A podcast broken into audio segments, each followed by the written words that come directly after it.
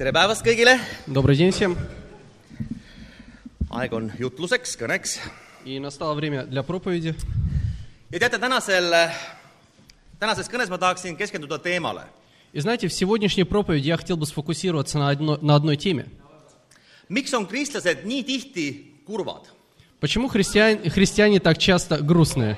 miks on kristlased nii tihti, kui me vaatame, väsinud ja närtsinud? Почему, когда мы смотрим на христианина, он так часто, мы видим его увядшим и уставшим?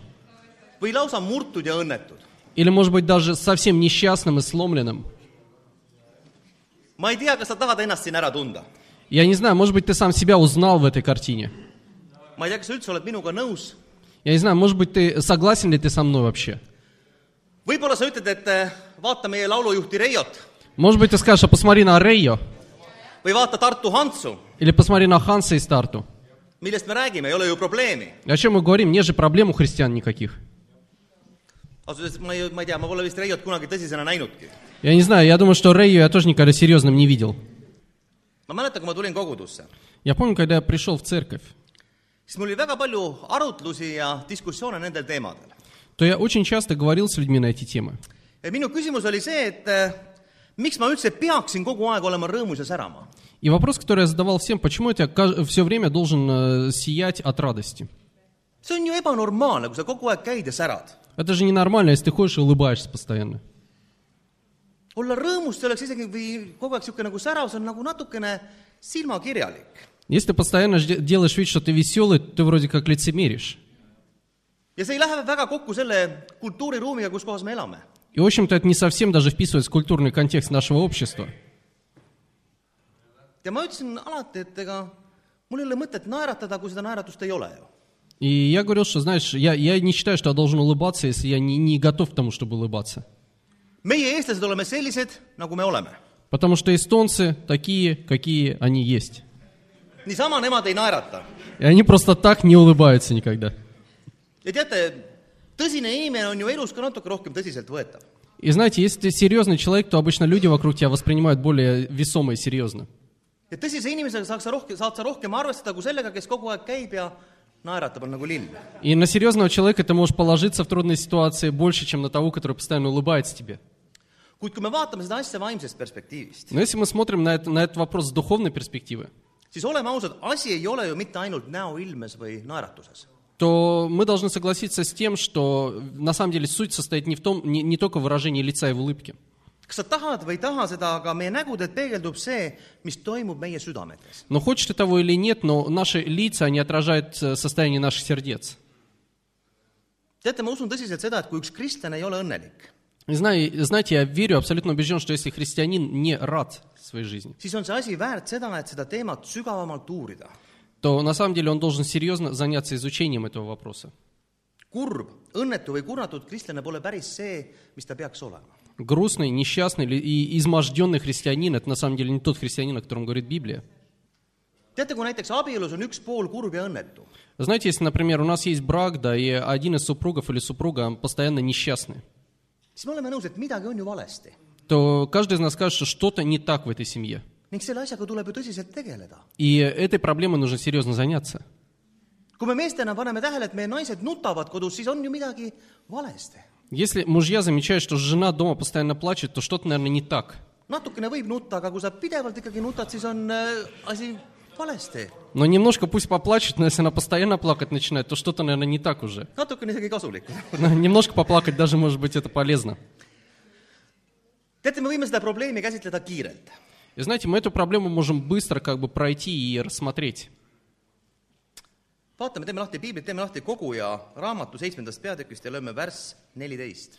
И давайте открой- откроем э, э, седьмую главу Екклесиаста, 14 стих прочитаем. ja siin on öeldud. heal päeval olgu sul hea meel. ja kurjal päeval mõtle järele. jumal on teinud nii selle kui teise, et inimene ei teaks, mis tal ees seisab. А, Екклесиаст, 7 глава, 14 стих. И здесь говорится, «В благополучные дни будь счастлив, а в негорестные знай. И то, и другое сотворил Бог, чтобы человек не мог постичь того, что будет после него». kuningas Saalomon, kelle mõtted need siin on, э, царь Соломон, который мыс- которого мысли здесь записаны, kuningas Salomon oli tark mees ja üldse mitte naiivne. Он был мудрым человеком, он не был наивным. ja siin ta ütleb meile kogu oma tarkuses , et me oma rasketel aegadel , et me usaldaksime Jumalat . И здесь, опираясь на, на весь свой багаж мудрости, он говорит, что в сложные времена мы должны доверять Богу. ehk siis me võime öelda kurvale või õnnetule inimesele , et aga usalda Jumalat . Так что, базируясь на этом отры- отры- отрывке Писания, мы можем сказать э, несчастному человеку, доверяй Богу. kuid kas see veenab meid raskel ajal olema rõõmus või õnnelik ? Но убедит ли это нас, когда нам действительно тяжело, чтобы мы вдруг стали радостными? Я думаю, что когда у нас все хорошо в жизни, то этот отрывок нас убеждает. Потому что мы знаем, что когда у нас все хорошо в жизни, нам не так много нужно еще. Потому что когда у нас все хорошо, то мы готовы к каким-то трудностям. küsid kellegi käest abi heal päeval, kui inimesel on hea päev, saad selle abi kindlasti. А, Ты можешь спрашивать э, у человека каждый день помощи, если у него хороший, хороший день, то ты получишь эту помощь от него. tahad kellegagi kokku saada, inimene on nõus, tal on head ajad praegu, Если хочешь с кем-то встретиться, то человек всегда готов с тобой встретиться, потому что у него хорошо все в жизни. aga halval päeval. Но в тяжелые дни. räägime sellest teisest päevast, sellest halvast päevast. Давайте поговорим о второй части этого вопроса, о тяжелых днях. teate juba ainuüksi see mõte, et keegi ütleb sulle, kuule tead, et usalda Jumalat või kahetse või ole rõõmus. Знаете, даже са- сама та мысль, когда в тяжелые дни кто-то подходит тебе и говорит, что доверяй Богу, покайся, радуйся. Я думаю, что даже одна эта мысль заставляет нас глубоко вздохнуть. me mõtleme, et jah, ma saan aru küll, et ma peaksin niimoodi tegema, aga praegu sellest ei piisa. И каждый из нас понимает, что да, я знаю, что я должен так поступать, но мне сейчас не хватает этой мысли. ma olen aru saanud, et oma rasketel aegadel me, me kuuleme palju raskemini. И то, что я понял, что когда у, меня, когда у нас сложные времена, то мы слышим с трудом людей. И мы видим с трудом. И мы становимся намного более чувствительными в различных э, вопросах жизни. Есть, когда у нас все хорошо, у нас хорошие дни, то, и мы можем шутить там на, на какие-то национальные темы, то когда у нас все плохо, мы не позволяем себе таких шуток. В сложные дни мы как-то мы гипертрофируем все вещи. я хочу, чтобы ты сейчас задумался, что забирает у тебя лично радость? Что забирает у тебя мир, покой и желание действовать? meil tuleb mõelda, kus kohas on meie elus see kadu. И мы должны понять, где в нашей жизни находится источник вот этого неудовольствия. teate, nii nagu korteril või majal on vahest küttekadu, on meil vahest niisugune rõõmukadu. Знаете, как, э, у, например, у дома есть какой-то источник, из которого тепло покидает дом, у нас иногда тоже бывает источник, из которого радость выходит. kuhu see rõõm kaob meie elust? И куда же эта радость, через, через что эта радость выходит? ja teate, kui me tõsiselt vaatame oma südamesse, siis ma usun, et minul ja sinul on ikka need ühed ja samad asjad. И знаете, если мы серьезно проанализируем наши сердца, то я верю, что наши моменты во многом похожи. Need on samad asjad, mis meid närivad, samad asjad, milles me tihti kukume. У нас есть те же самые вещи, которые, может быть, съедают нас изнутри, в которых мы падаем. üks asi on selgem. rasked ajad saavad meid kõiki kätte. Но знаете, но одно, одну вещь я мо- могу вам сказать наверняка, что тяжелые времена наступят в жизни каждого. et ma usun, et see teema nagu ei ole üllatus meie kellegi jaoks. Так что я верю, что сегодняшняя тема, она не постигла, как, э, не, не удивила никого из нас. vaatame, kuidas Paulus kirjeldab seda asja. Teeme lahti esimese korintlaste kirja kolmandast peatükist ja oleme värsid üksteist kuni kolmteist. Давайте откроем третью главу первого послания Коринфянам с 11 по 13 стихи прочитаем. jah, teist alust ei saa keegi rajada selle kõrvale, mis on juba olemas. see on Jeesus Kristus. kas keegi ehitab sellele alusele hoone kullast, hõbedast, kalliskividest, puudest, heintest või õlgedest? kord saab igaühe töö avalikuks. issanda päev teeb selle teatavaks, sest see ilmub tules ja tuli katsub läbi igaühe töö, missugune see on Никто не может заложить другой фундамент, кроме того, который уже заложен, и этот фундамент – Иисус Христос. На этом фундаменте каждый человек может строить из золота, серебра, из драгоценных камней, из дерева, из сена, и- сена или соломы. Но наступит день, когда выявится, кто как строил. В тот день все будет испытано огнем, и огонь покажет качество работы каждого. meid kõiki proovitakse läbi А, Наша жизнь будет испытана. ja seda mitte ainult koguduses И не только в церкви. teate, vahest võib olla selline tunne, et ma tulen kogudusse ja mul on jälle tekivad niisugused muremõtted. Знаете, иногда возникает такое чувство, что вот я прихожу в церковь, и меня опять постигают какие-то грустные мысли. kui ma istuksin täna võib-olla selle pühapäevase teenistuse asemel kuskil oma aiamaal, vaataksin, ma ei tea, lahkuvat suve, võib-olla mul ei olekski neid probleeme. Если бы сегодня вместо того, чтобы прийти в этот зал, я бы сидел у себя во дворе там, и смотрел бы на, на э, за- закат лета, то меня, может быть, не постигали бы подобные проблемы. meid proovitakse läbi igal pool. Но знаете, нас будет испытывать э, в любом месте. meid proovitakse läbi töö juures, Нас будет испытывать на работе, abielus, э, в семьях, sõprussuhetes, э, в, в отношениях дружбы, ärisuhetes. э, в бизнес-отношениях. ja meil võib täna olla kõik niisugune ilus ja kindel, И сегодня нам может казаться все краси... жизнь красива и надежна. aga juba homme võib tulla midagi, mis kõigutab meie ilusat olemist. Но уже завтра может настать э, день, когда придет какое-то событие, которое пошатнет все наше представление о мире. ja siis loeb see, millest on ehitatud sinu koda. И тогда будет один вопрос в твоей жизни, из чего ты построил свой дом, kui lihtne on seda koda põletada. и насколько легко он может сгореть. kui see koda on ehitatud sul hõbedast või kullast, И если этот дом построен из золота или серебра, siis on lootus seda, et tuli ei söö seda täielikult ära. тогда у тебя есть надежда, что огонь не поглотит его полностью. teate , nende aegade peale võib vaadata nagu lahingu peale . И знаете, на подобные дни в жизни ты можешь смотреть как на сражение. ja pärast lahingut saab anda hinnangu , mis jäi alles ja mis on kahjustatud . И обычно после сра- сражения полководцы подсчитывают потери. viimane reaalne sõda , kus eestlased osalesid , oli Afganistanis aastatel kaheksakümmend üks kuni kaheksakümmend üheksa . И с 81 по 89 года это была последняя такая реальная военная кампания, в которой участвовали эстонцы, это было в Афганистане. ja teate , minu põlvkonna inimestel on väga-väga palju tuttavaid , need , kes seal käisid ja võitlesid . И знаете, среди людей моего поколения есть много знакомых, которые участвовали в этой войне. ja kui mul kuskil seltskonnas läheb- läheb näiteks selle Afganistani sõja peale jutt , siis meil on alati ühiseid tuttavaid või on alati inimesi , keda me teame , kes on langenud . И знаете, когда в компании друзей мы вдруг э, поднимаем тему Афганистана, то всегда находятся люди, у которых там друзья участвовали, погибли. А Всегда находится человек, которого знакомый э, был ранен в этой войне. А, э, Находятся люди, которые выжили, пройдя через эту войну. А, Есть люди, которые после этой, окончания войны до сих пор страдают галлюцинациями. Aga pärast sõda saab anda hinnangu, mida see sõda meile siis või see lahing reaalselt tegi või mis jälje ta jättis. Но лишь после окончания войны мы можем оценивать, какой след эта война оставила на наших людях. ma tahan praegu öelda meile kui kristlastele, meile kui jüngritele. И сейчас я хочу обратиться к нам как христианам. teate, me ei saa alati valida seda, kas tuleb lahing või, või ta ei tule. Знаете, мы не можем в своей жизни выбирать, придет э, момент сражения, наступит он или не наступит.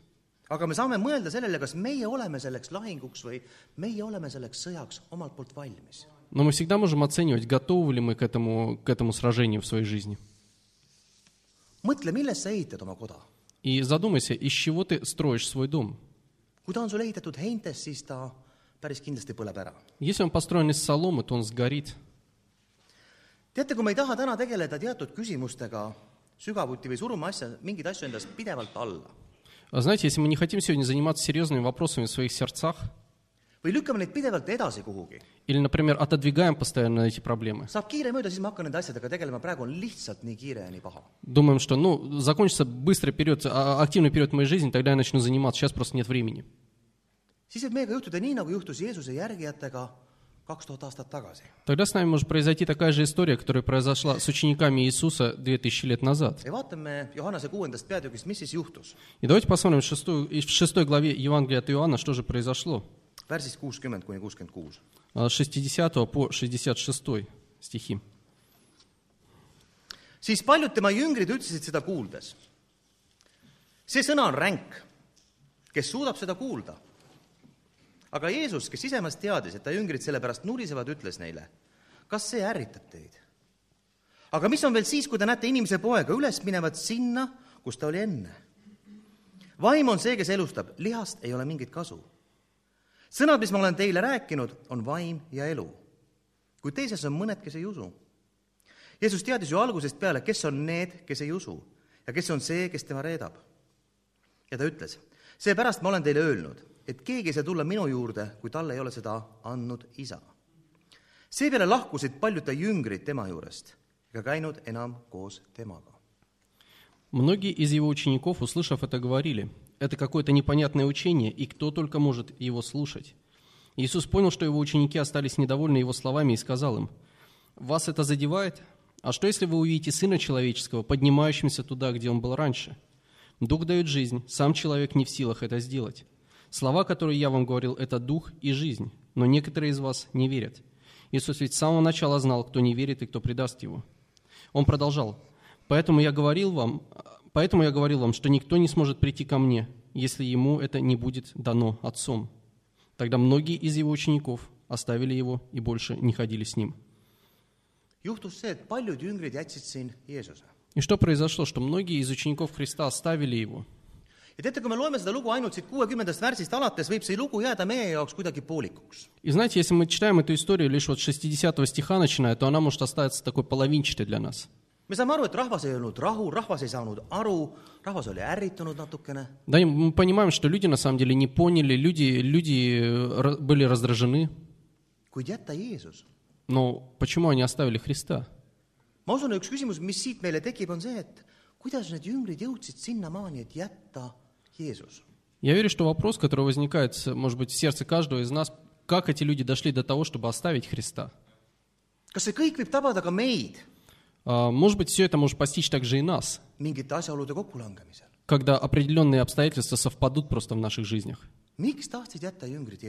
Почему ученики решили оставить Христа? kui me vaatame seda lugu alates äh, kuuendast peatükist, siis see terve see peatükk räägib Jeesuse suurtest imedest. И если мы э, читаем всю шестую главу Евангелия от Иоанна, то она вся говорит о великих чудесах, которые Иисус со- совершил. mida ta tegi siis Galileas ja suur hulk rahva hulk, suur rahva hulk oli temaga kaasa tulnud Jeruusalemmast saadik. Который, который он совершил в Галилее, и огромная толпа следовала за ним вплоть до Иерусалима.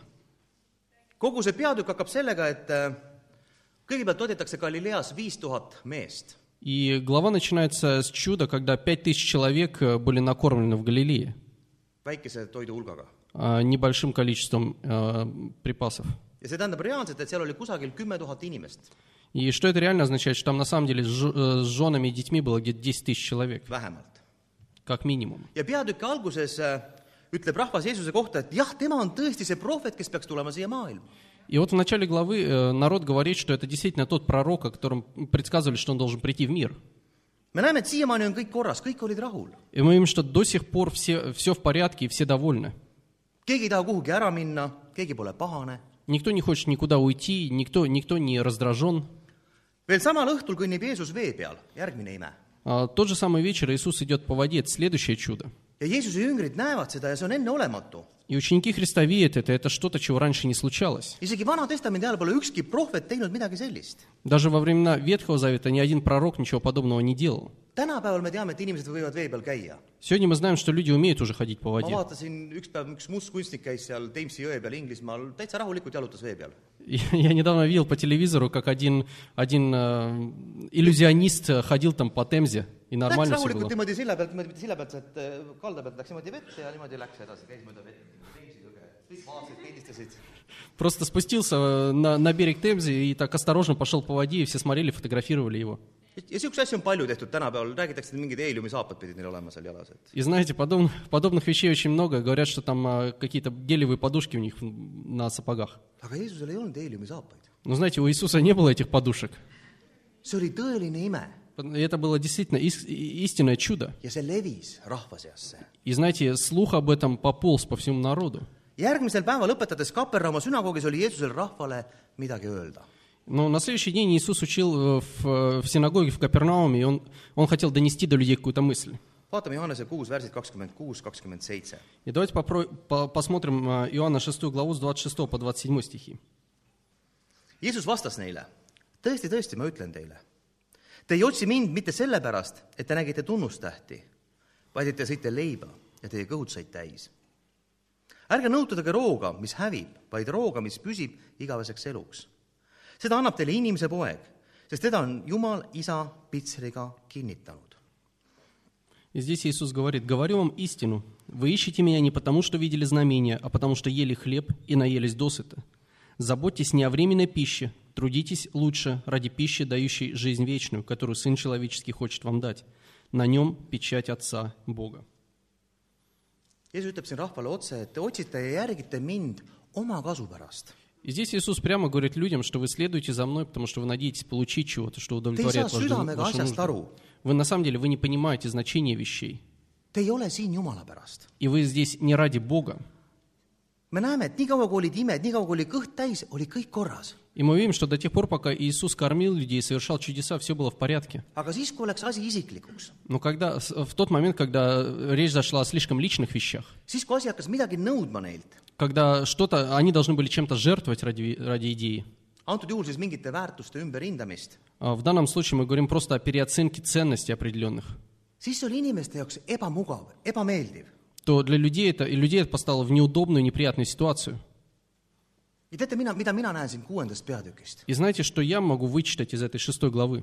väga paljude inimeste jaoks oli Jeesus nagu mingisugune moetrend, mida järgiti. Знаете, для многих людей Иисус это был просто такой трендовый человек, за которым просто толпа следовала. teate, kui meie kristlastena järgime Jeesust ilma rõõmuta, И знаете, если мы, будучи христианами, следуем за Христом без радости, без э, глубокого внутреннего желания, то в какой-то момент мы натолкнемся на определенную стену. И это будет стена, которая что-то, что будет препятствовать тебе. Это будет что-то, что будет действительно раздражать тебя, что, что перестанет нравиться тебе. Поэтому мы должны смотреть в корень вещей. Tegeleda asjadega, mis röövivad meilt rõõmu ja tahtmise teenida Jumalat. И мы должны заниматься теми вещами, которые на самом деле а, забирают у нас радость и желание служить Богу. teate, ma tahan täna igat kristlast julgustada tegelema nende asjadega. И знаете, я хочу сегодня вдохновить каждого христианина э, заниматься подобными et вещами, me ei jookseks ära, et me ei jätaks neid asju. чтобы мы просто не забывали и не пытались избежать подобных э, разговоров, вопросов. kui me hakkame mingi asjaga sügavuti tegelema, teate, see võib põhjustada meile valu. Если мы начнем заниматься какими-то глубинными вопросами в своем сердце, то это может причинить боль. Это может занять наше время. aga kui me ei tegele nende asjadega, siis kasvab sealt üles mingisugune kibe juur, Но если не будем заниматься ими, то в конце концов вырастет вот этот горький корень, nii nagu ütleb piibel. как Библия учит нас. ja teate, ma olen näinud seda treppi, kuidas see asi hakkab arenema vaikselt. И знаете, я видел, как подобные вещи развиваются. ma olen näinud seda enda pealt. Я видел это в своей жизни. alguses me kaotame oma rõõmu. А, В какой-то момент жизни ты теряешь радость.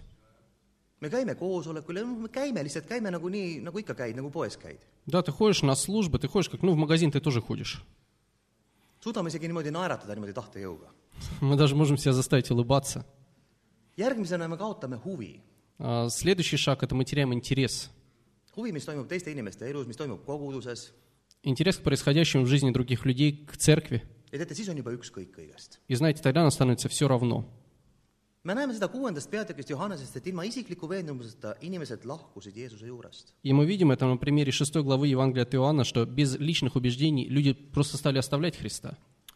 kui sul on raske või kui sul on mure Если тебе сложно или у тебя какая-то есть печаль на сердце, või kui sa tunned mingisugust koormat, если ты чувствуешь, что груз жизни давит на тебя, siis ma tahan praegu välja tuua mõned asjad, millel oleks hea keskenduda. То я хотел бы сейчас тебе рассказать о некоторых вещах, на которых хорошо сфокусироваться в тот момент, когда тебе тяжело.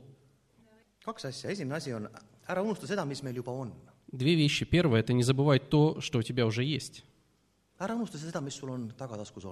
Не забывай то, что у тебя уже есть. Luuka kümme, seitseteist kuni kakskümmend. А, Лука 10 глава с 17 по 20 стихи. aga need seitsekümmend kaks pöördusid rõõmuga tagasi ja ütlesid, issand, ka kurjad vaimud alistuvad meile sinu nime mõjul. tema ütles neile, ma nägin saatanat kui välku taevast maha langevat. vaata, ma olen andnud teile meelepanna kõndida madude ja skorpionide peal ja vaenlase kogu väe peal ja miski ei tee teile iial kahju. ometi, ärge rõõmustage sellest, et vaimud teile alistuvad, vaid rõõmustage, et teie nimed on taevasse kirja pandud. Семьдесят учеников возвратились к Иисусу радостные. «Господи», — говорили они, — «даже демоны подчиняются нам, когда мы приказываем им Твоим именем». Иисус ответил, «Я видел, как сатана упал с неба, словно молния. Вот, я дал вам власть наступать без вреда для вас на змеи и скорпионов и преодолевать всю силу врага. Но радуйтесь не тому, что духи вам подчиняются, а тому, что ваши имена записаны на небесах». me näeme, et seitsekümmend kaks jüngrit tulid tagasi Jeesus- Jeesuse juurde, nad olid emotsionaalselt rõõmsad. И мы видим здесь, что ученики возвращаются ко Христу, и эмоционально их переполняет радость. issand, issand, kurjad vaimud alistuvad meile sinu nime mõjul. Господь, даже духи, злые духи слушаются нас. inimesed ülistavad meid selle pärast. И люди за это восхваляют нас. kõik annavad käe pihku. И все пожимают нам руку. Ütleb, et võtke rahulikult. Иисус говорит, слушайте, успокойтесь. on midagi palju enamat. Потому что есть что-то более грандиозное. rõõmustage sellest, et teie nimed on pandud taevasse kirja. Радуйтесь тому, что ваши имена записаны на небесах. Я думаю, что это же утверждение э, относится и к нам, что наши имена записаны на небесах.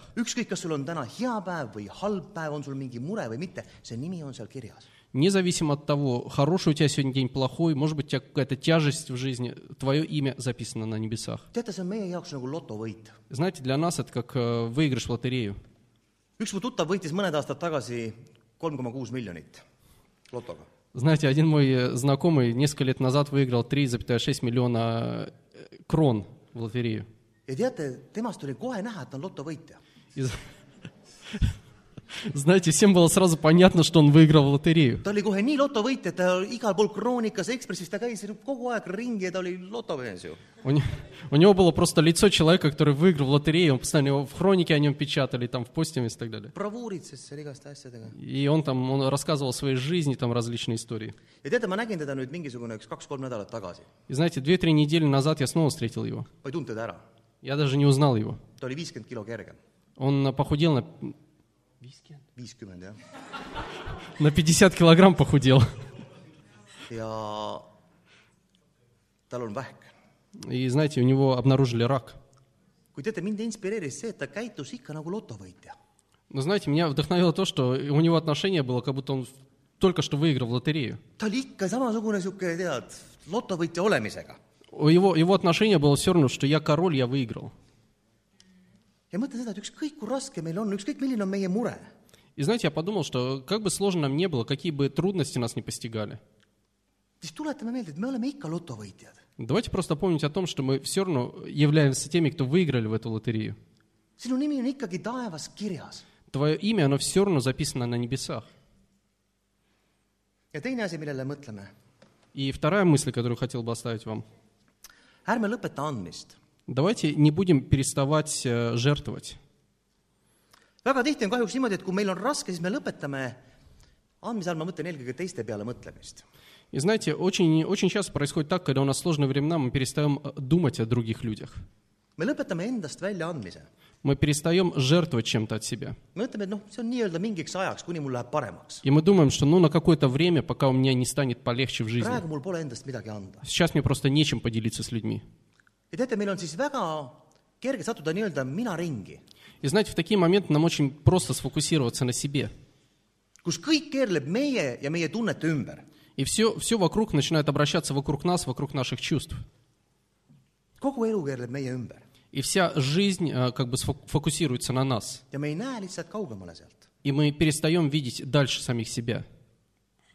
Johannes üheksateist, kakskümmend viis kuni kakskümmend seitse.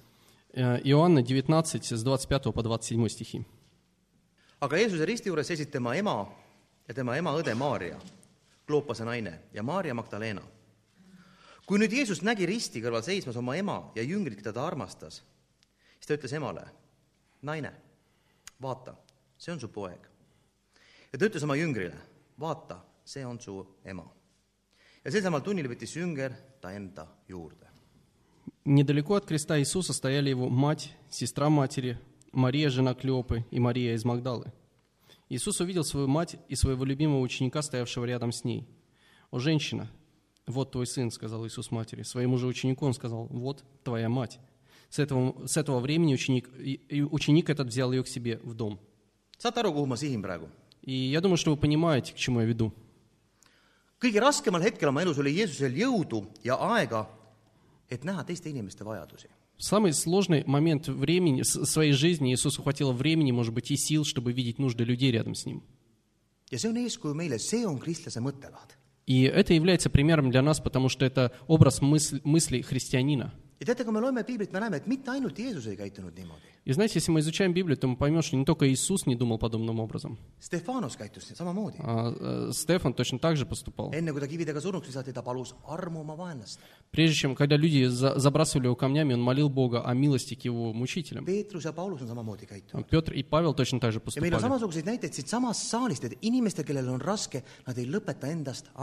И у нас есть примеры, даже люди, сидящие в этом зале, которым, в- которые в сложные времена не, при- не переставали жертвовать. ja see mõte on siin järgmine, et minu jüngerlus ei lõppe veel minu valuga.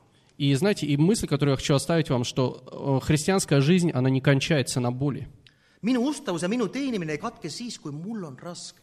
А Мое служение и моя верность не заканчиваются тогда, когда мне наступает сложный момент. Te teate, ma usun, et Jumal on selle seadnud niimoodi, et äh, selline suhtumine aitab meil paremini tulla toime oma elu raskustega. И знаете, я думаю, что Бог дал нам эту мысль, чтобы мы поняли, что таким образом мы лучше справимся со своими трудностями. Давайте подведем итог. Знаете, наша радость, она не заключается только в улыбке.